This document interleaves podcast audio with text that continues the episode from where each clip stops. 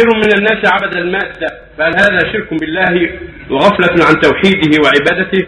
حيث قال تعالى واعبد ربك حتى يأتيك اليقين. عبادة المادة على أقسام.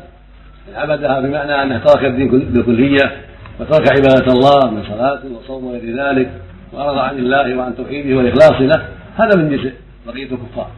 هذا ترك دينه وأعرض عن دينه بالكلية أما الذي قد يرضى لها ويغضب لها وساهل في أمر دينه لأجلها هو يعبد الله وحده وهو مسلم لكن مثل ما قال النبي كعيسى بن الدينار كعيسى بن الدرهم كعيسى بن الخميصة قد يحلف كاذبا وليس بالسوء من أجلها وقد يضيع بعض الواجبات من أجلها وخصومها خصومها هذا يكون قد عصى وغلط ونقص إيمانه.